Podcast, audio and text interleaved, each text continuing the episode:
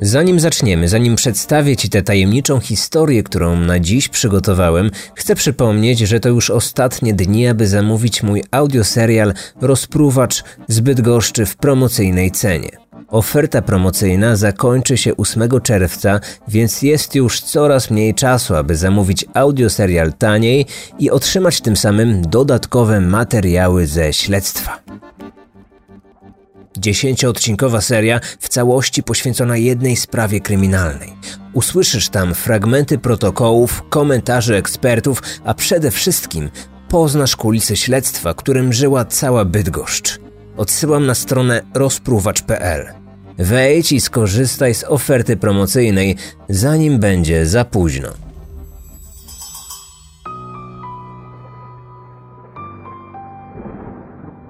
Kryminatorium. Natalie Wood była jedną z największych gwiazd Hollywood ery lat 50. i 60. XX wieku. Piękną i utalentowaną aktorkę uwielbiali zarówno widzowie, jak i krytycy.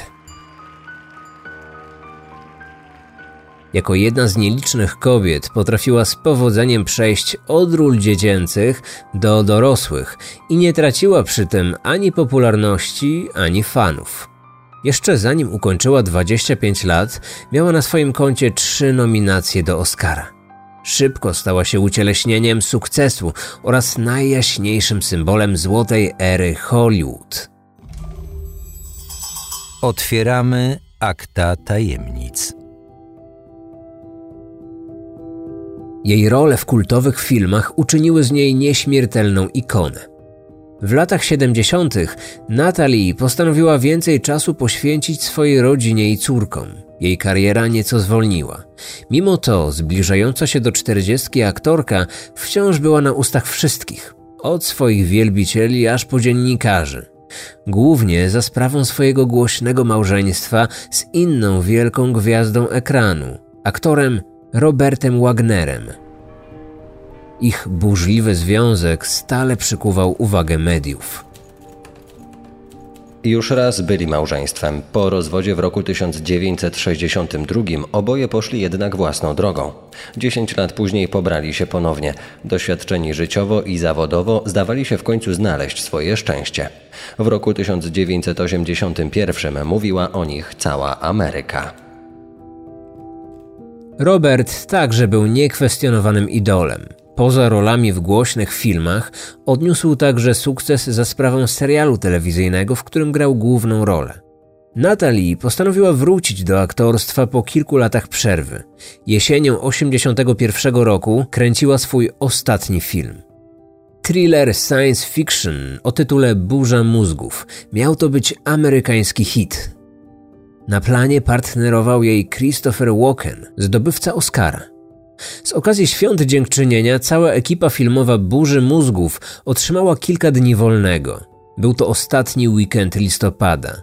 Natalie zamierzała spędzić ten czas razem z mężem na ich jachcie Splendor w pobliżu kalifornijskiej wyspy Catalina.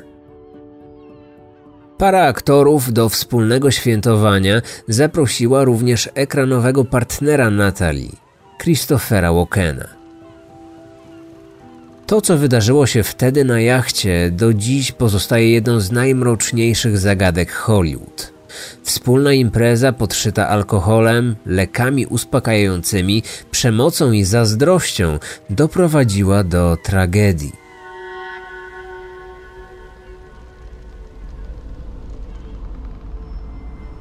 Późnym wieczorem 28 listopada 1981 roku Robert ostro pokłócił się z Walkenem. Powodem awantury miała być Natalie, którą mąż podejrzewał o romans z kolegą z planu. Kilka minut później 43-letnia aktorka zniknęła z pokładu w tajemniczych okolicznościach. Wraz z nią zginął ponton. Jej dryfujące ciało znaleziono kilka godzin później. Kobieta ubrana była jedynie w koszulę nocną, skarpetki i puchową kurtkę. Według oficjalnej wersji śmierć aktorki uznano za nieszczęśliwy wypadek. Pijana miała wpaść do wody podczas próby dostania się do nadmuchiwanego pontonu. Nie było świadków tego wydarzenia. Żaden uczestnik imprezy, łącznie z kapitanem jachtu, Denisem Davernem, niczego nie widzieli i nie słyszeli. Na łodzi nie znaleziono żadnych śladów przestępstwa. Biuro szeryfa hrabstwa Los Angeles przyjęło jako ostateczną wersję wydarzeń tę przekazaną przez pogrążonego w bólu i rozpaczy Roberta. Według niego wieczór poprzedzający tragiczny wypadek wszyscy spędzili na imprezie w restauracji na wyspie. Natalie, Robert, Christopher i Denis na pokład jachtu powrócili około godziny 22.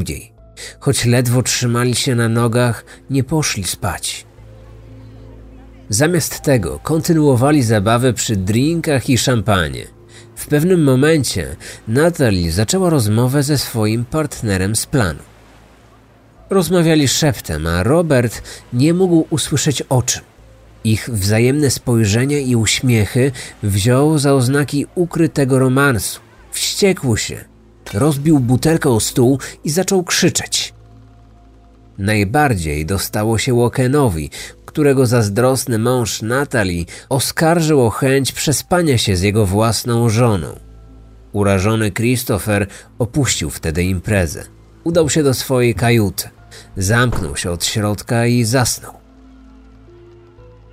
Po nim wyszła Natalie. Kobieta stwierdziła, że ma już dość i idzie się położyć. Była 22.45. Wściekły Robert dopił szampana, poprawił kilkoma drinkami i uspokoił się. Postanowił pójść do żony i szczerze z nią porozmawiać. Jej kajuta była jednak pusta. Po aktorce nigdzie nie było śladu. Nie zmartwiło go to jednak. Jak zeznał później detektywom, kiedy zauważył, że brakuje również pontonu, pomyślał, że zdenerwowana Natalie opuściła jacht i chciała trochę ochłonąć po tym zbyt burzliwym wieczorze. Dopiero w pół do drugiej w nocy dotarło do niego, że Natalie jeszcze nie wróciła. Wtedy przez radio skontaktował się z kapitanem portu na wyspie – Poinformował go, że jego żona zaginęła. Rozpoczęły się poszukiwania, w których wziął udział helikopter Straży Przybrzeżnej. W poszukiwaniach brał także udział kierownik restauracji, w której kilka godzin wcześniej ucztowała cała grupa z jachtu. To on odnalazł ponton, który dryfował kilkaset metrów od łodzi. Był pusty, Kluczyk wciąż znajdował się w stacyjce w pozycji wyłączonej. Bieg ustawiony był w pozycji neutralnej, a wiosła starannie przywiązane. Wyglądało na to, że nikt w ostatnim czasie nie korzystał z pontonu. To nie zgadzało się z zeznaniami Roberta. Mówił on, że Natalie wsiadła na ponton, aby z własnej woli oddalić się od jachtu. Gdy zapytano go o tę niezgodność, to aktor zmienił zdanie. Opowiedział śledczym, że przed zaginięciem jego żona skarżyła się na uderzenia pontonu o burtę jachtu. Hałas przeszkadzał jej do tego stopnia, że nie mogła spać. Detektywi uwierzyli. Ostatecznie uznano, że aktorka w nocy postanowiła poprawić poluzowane liny, którymi ponton przywiązany był do jachtu. Podczas tych czynności poślizgnęła się i wpadła do wody. Ciało Natalie Wood zostało odnalezione kilkanaście minut przed ósmą. Pływało twarzą w dół, w odległości półtora kilometra od jachtu. Zmarła ubrana była w puchową kurtkę, flanelową koszulę nocną i wełniane skarpety do kolan. Nie miała na sobie bielizny. W chwili wyciągnięcia z wody zwłoki nie wykazywały oznak stężenia pośmiertnego. Z ust denatki wydobywała się piana. Oczy miała otwarte, nieco mętne. Sekcja zwłok wykazała na jej ciele liczne siniaki i obtarcia. Żadnych innych urazów nie zauważono. Na chwilę obecną nie podejrzewa się, aby jej śmierć była wynikiem popełnienia przestępstwa. Według koronera hrabstwa Los Angeles około północy pijana Natalie wpadła do wody i próbowała przymocować ponton do łodzi. Obtarcia i siniaki na jej ciele miały powstać wtedy, kiedy nieskutecznie próbowała się dostać na ponton. Jako przyczynę śmierci uznano przypadkowe utonięcie.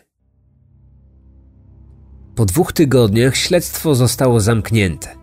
Pozostały jednak wątpliwości oraz pytania bez odpowiedzi. Gdy podczas pogrzebu Natalii Robert czule całował jej trumnę, całe Hollywood już huczało od plotek. Zdaniem wielu, śmierć gwiazdy nie była przypadkowa i to właśnie jej mąż za nią odpowiadał.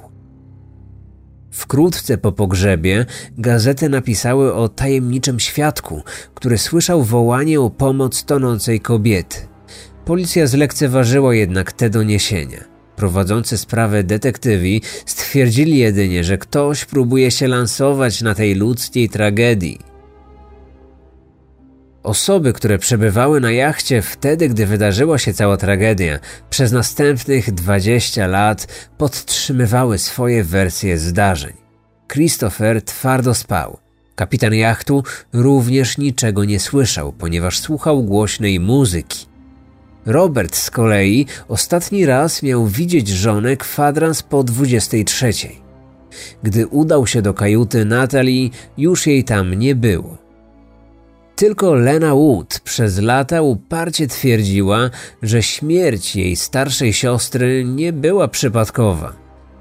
Trzy lata po śmierci Natalii napisała książkę, w której jako pierwsza oskarżyła Roberta.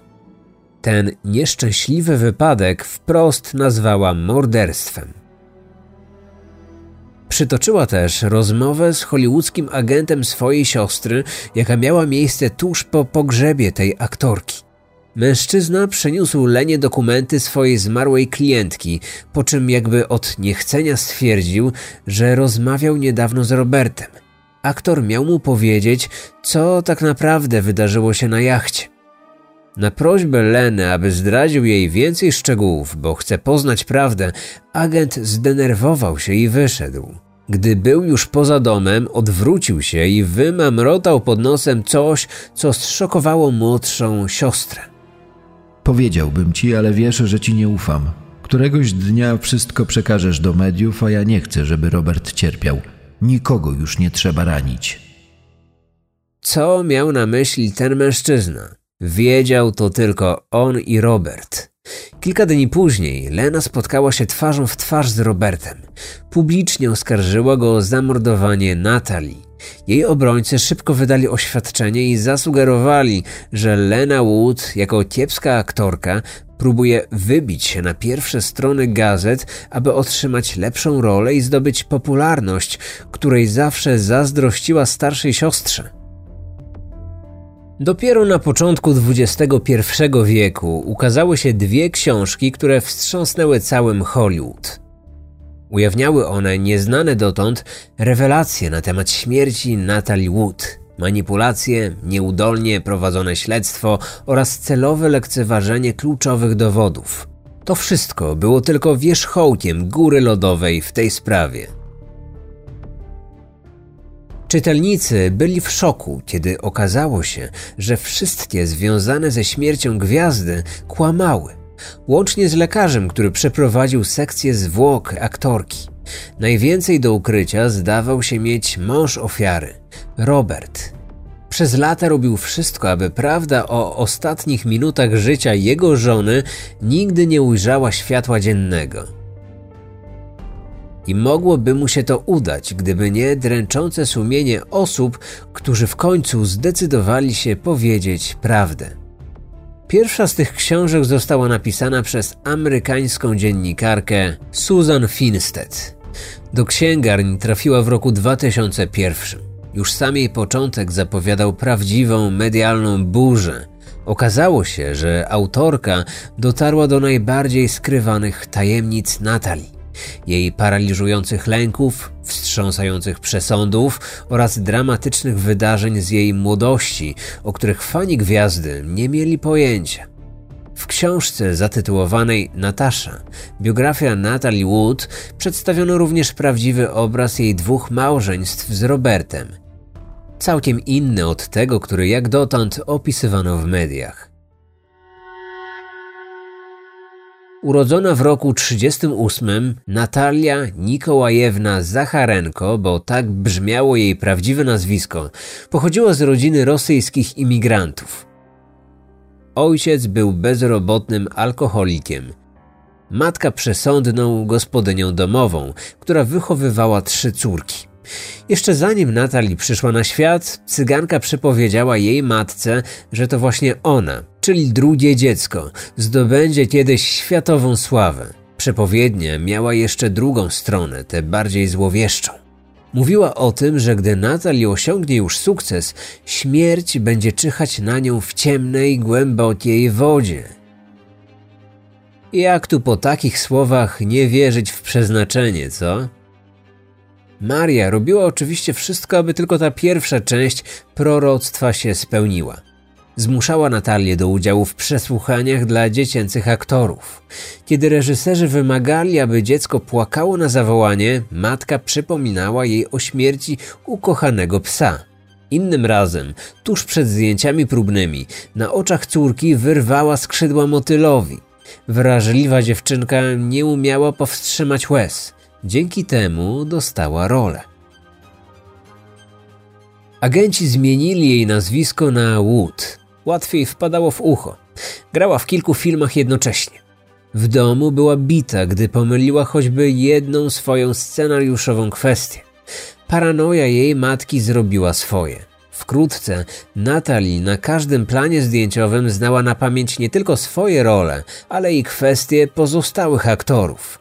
Zyskała nawet przydomek jednoujęciowa Natalie, ponieważ nigdy się nie myliła i nie trzeba było powtarzać nagrywanych scen z jej udziałem.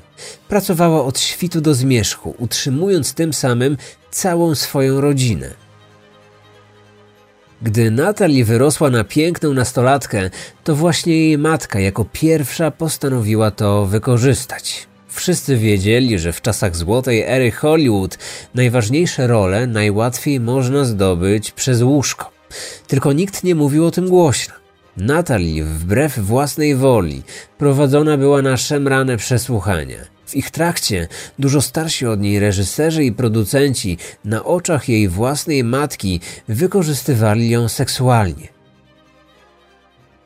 Prosto z przesłuchań dziewczyna w tajemnicy trafiała na specjalne terapie.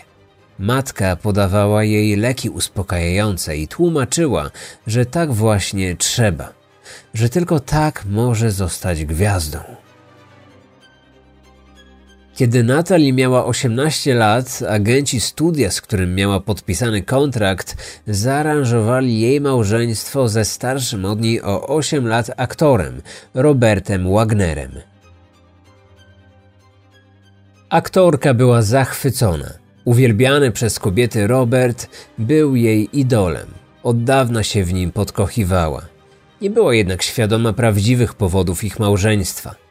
Aktor był biseksualistą, a prasa coraz głośniej pisała o jego homoseksualnych romansach. Aby chronić wizerunek swojej młodej gwiazdy, studio zdecydowało się założyć mu brodę. Tak wówczas nazywano w Hollywood aranżowane na szybko heteroseksualne małżeństwa, które miały za zadanie zakamuflować homoseksualizm popularnej aktorki bądź aktora. O tym, że Natalie Wood została brodą, dowiedziała się dopiero po trzech latach małżeństwa, kiedy przyłapała męża w objęciach innego mężczyzny. Szokujące odkrycie doprowadziło do rozwodu. Natalie zapłaciła za to wysoką cenę. Doznała załamania nerwowego, które zakończyło się nieudaną próbą samobójczą młodej aktorki. Dziesięć lat później Natalie i Robert spotkali się ponownie. Dawne uczucia odżyły wtedy ze zdwojoną siłą. W roku 72 para pobrała się ponownie. Stare urazy poszły w niepamięć. Aktorka postanowiła zrezygnować z kariery i skupić się na rodzinie. Robert święcił wówczas swoje największe sukcesy. Fani go uwielbiali. Widzieli w nim chodzący ideał, jednak prywatnie Robert był zupełnie inny gwałtowny i przede wszystkim obsesyjnie zazdrosny o każdego mężczyznę, który choćby zbliżył się do jego żony. Gdy pod koniec lat 70. aktorka postanowiła wrócić do zawodu, zazdrość jej męża jeszcze wzrosła. Kłótnie i awantury były coraz częstsze. W roku 81, tuż przed świętem dziękczynienia, aby udowodnić Natalii, że się zmienił, zaprosił na swój jacht jej ówczesnego filmowego partnera, zdobywcę Oscara Christophera. Prasa donosiła o ich romansie na planie, ale Robert zapewniał, że poradził sobie już z chorobliwą zazdrością. Podczas świątecznego weekendu wypity w nadmiarze alkohol znów wyzwolił te negatywne emocje. Zazdrość doprowadziła do awantury. Ta z kolei stała się przyczyną tragedii.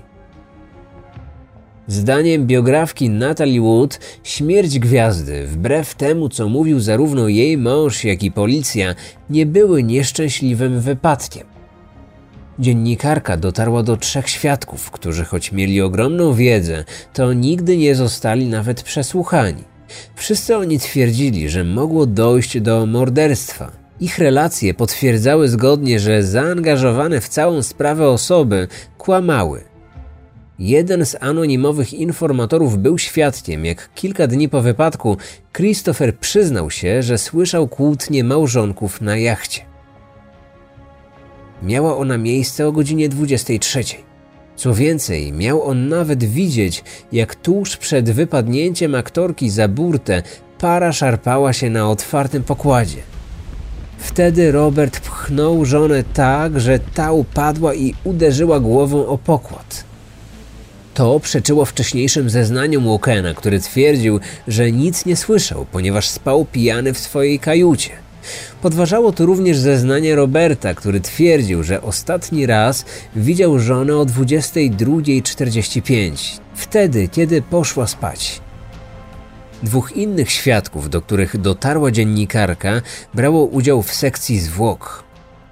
Jeden z nich był dokumentalistą z biura szeryfa odpowiedzialnym za fotografowanie zwłok.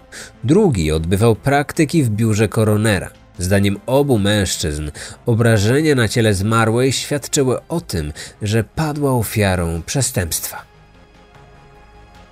Najbardziej niepokojące były rany na jej głowie. Mogły one wskazywać, że aktorka została pobita i straciła przytomność. Dopiero wtedy została ona wrzucona lub zepchnięta do wody. Te słowa potwierdził drugi świadek. Pamiętał również te poprzeczne ślady na udach. Świadczyły o tym, że była ona ciągnięta po pokładzie lub zepchnięta. Gdyby powstały one na skutek prób wdrapania się z wody na ponton, jak w swoim raporcie napisał lekarz, który przeprowadzał sekcję, zadrapania biegłyby od kolan w górę. Tymczasem rany na udach zmarłej były poziome i świadczyły o przeciąganiu ciała krótkimi, ale mocnymi ruchami. Gdy praktykant podzielił się swoimi wątpliwościami z lekarzem sądowym, ten tylko spojrzał wymownie na młodego funkcjonariusza, pokręcił przecząco głową i stwierdził, że niektórych rzeczy lepiej jest nie mówić. Ta książka całkowicie podważyła nie tylko zeznania osób związanych ze sprawą, ale jednocześnie obaliła oficjalną linię czasową, którą zaprezentowała policja. Autorka przekazała organom ścigania oświadczenia swoich informatorów, jednak biuro szeryfa hrabstwa Los Angeles nie było wówczas zainteresowane wznowieniem śledztwa. Do zmiany nastawienia zmusiła ich dopiero napisana 10 lat później petycja autorów innej książki. Ta lektura była jeszcze bardziej wstrząsająca, ponieważ jednym z jej współautorów był Denis Davern, czyli kapitan jachtu, na którym doszło do tragedii. Denis był jedną z osób, którymi wstrząsnęła nowa, sensacyjna biografia Natalii. Po lekturze ruszyło go sumienie. Nie mógł znieść tego, jak Hollywood potraktowało śmierć aktorki. Zrobiono z niej alkoholiczkę i rozkapryszoną awanturnicę. Pojawiły się nawet głosy, że dostała to, na co zasłużyła. Denis wiedział, że prawda wyglądała zupełnie inaczej. Skontaktował się ze swoją przyjaciółką, pisarką Marty Ruli. Opowiedział jej o tym, co tak naprawdę wydarzyło się na jachcie w nocy 29 listopada 1981 roku. Efektem tych wielomiesięcznych zwierzeń była wydana w roku 2009 książka zatytułowana Goodbye Natalie, Goodbye Splendor. Zawierała ona kolejne nieznane wcześniej rewelacje. Denis przedstawił w niej swoją własną wersję wydarzeń. Według niego Robert pokłócił się nie tylko z Wokenem, ale i ze swoją żoną. Co więcej, pomiędzy małżonkami miało dojść do rękoczynów. Awantura rozpoczęła się w kajucie Natalii, później przeniosła się na pokład i zdaniem kapitana jachtu doprowadziła do śmierci aktorki. Denis zataił wcześniej przed policją fakt, że był świadkiem tej sceny. Kłócili się. Włączyłem głośną muzykę, aby zagłuszyć awanturę. Jedyne zdanie, jakie udało mi się zrozumieć, padło z ust Roberta. Krzyczał do żony, żeby wynosiła się z jego pieprzonej łodzi. Była dwudziesta trzecia. Odczekałem 15 minut i poszedłem do nich, aby załagodzić sytuację.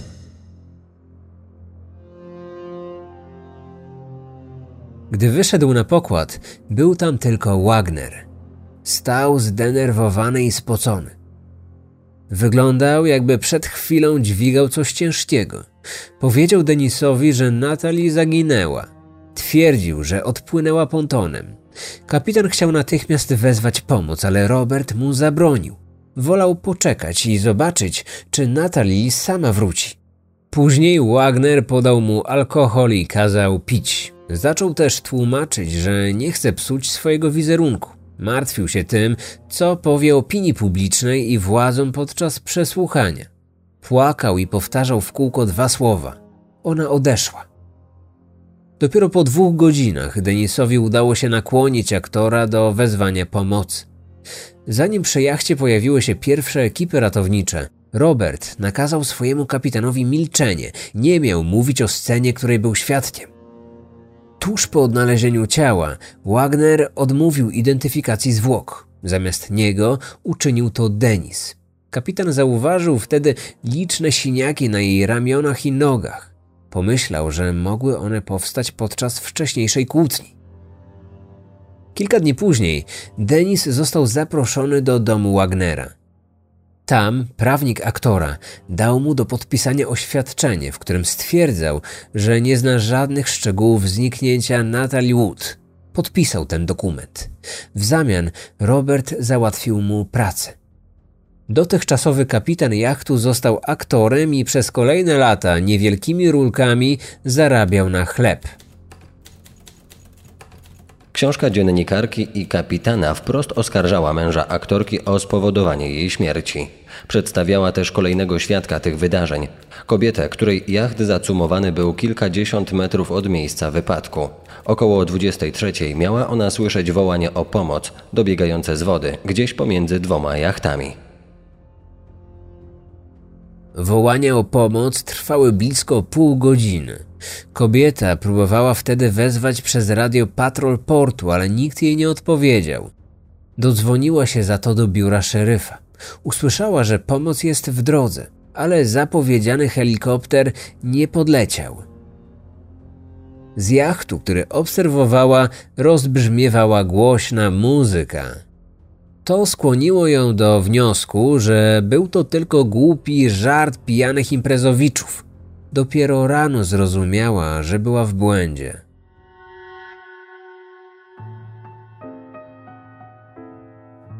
Co ciekawe, pierwsze wydanie książki przeszło właściwie bez większego echa.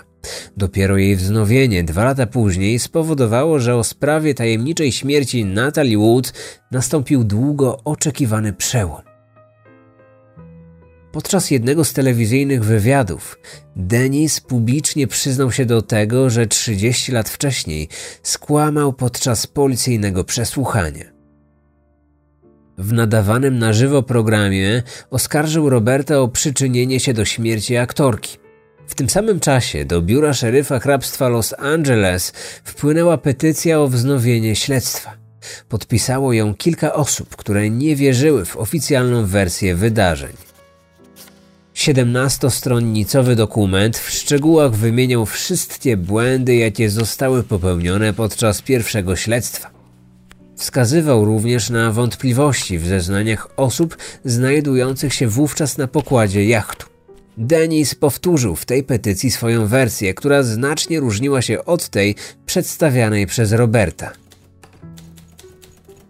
Policja z Los Angeles natychmiast wznowiła śledztwo. Po 30 latach detektywi ponownie przyjrzeli się dowodom i raportowi z sekcji zwłok aktorki. Okazało się, że istnieją przesłanki, aby uznać śmierć nie za wypadek, ale za morderstwo. Nowy raport koronera stwierdził ponad wszelką wątpliwość, że na ciele aktorki znaleziono świeże siniaki na nadgarstkach i kolanach oraz zadrapania na szyi i czole. Oznaczało to, że Wood przed utonięciem mogła zostać pobita. Niedługo po tym policja opublikowała dziesięciostronnicowy dodatek do raportu z autopsji, który ostatecznie wykluczył ustalenia śledczych sprzed 30 lat. W uzupełnieniu stwierdzono, że Wood miała kilka siniaków i zadrapań na swoim ciele zanim znalazła się w wodzie. W sierpniu 2012 roku oficjalnie zmieniono przyczynę śmierci z wypadku na wypadek oraz inne nieokreślone czynniki. Śledczy przez kilka kolejnych lat próbowali przesłuchać Roberta. Aktor otrzymał co najmniej 10 zaproszeń do rozmowy z detektywami, ale za każdym razem odmawiał. Jako osoba, która oficjalnie nie została postawiona w stan oskarżenia, miał do tego pełne prawo. Wiele razy próbowaliśmy z nim porozmawiać, dowiedzieć się, dlaczego kłamał i zatajał ważne dla śledztwa informacje. Niestety nie możemy go do tego zmusić. Ma swoje prawa i nie musi z nami rozmawiać, jeśli tego nie chce. Zamiast ponownego przesłuchania, biuro szeryfa musiało się zadowolić wyłącznie oświadczeniem przesłanym do nich przez prawnika reprezentującego aktora. Dokument zapewniał o jego niewinności i kończył się słowami: przez ostatnie 30 lat w pełni współpracował w śledztwie w sprawie przypadkowego utonięcia jego żony w 1981 roku. Był wielokrotnie przesłuchiwany przez przedstawicieli biura szeryfa w Los Angeles. Odpowiadał na każde zadane mu pytanie. Niczego nie ukrywał i niczego nie zatajał. W chwili obecnej nie ma on nic więcej do dodania w tej sprawie. W lutym 2018 roku, 37 lat po śmierci Natalie Wood, śledczy po raz kolejny próbowali zaprosić na rozmowę 88-letniego wówczas Wagnera. I znów spotkali się z kategoryczną odmową. Na zwołanej kilka dni później konferencji prasowej potwierdzili, że aktor nie jest osobą podejrzaną o popełnienie przestępstwa, ale wciąż figuruje jako osoba potencjalnie zaangażowana w sprawę śmierci aktorki. Biuro szeryfa hrabstwa Los Angeles przyznało również, że ma wiele wątpliwości związanych z wynikami pierwszego śledztwa. Myślę, że wcześniej wszyscy wierzyliśmy w tę historię, że musiała wsiąść do pontonu i próbowała dostać się na wyspę ubrana jedynie w koszulę nocną i skarpetki. Sama, podczas padającego deszczu, gdy ocean był wzburzony. Dziś, jeśli się nad tym zastanowić, takie zachowanie nie miało absolutnie żadnego sensu.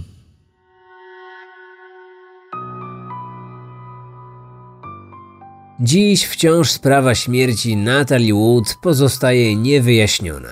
Niby wszyscy wszystko wiedzą, ale niczego nie można udowodnić. Nikomu. Żadna osoba mogąca mieć związek z utonięciem aktorki nie poniosła odpowiedzialności.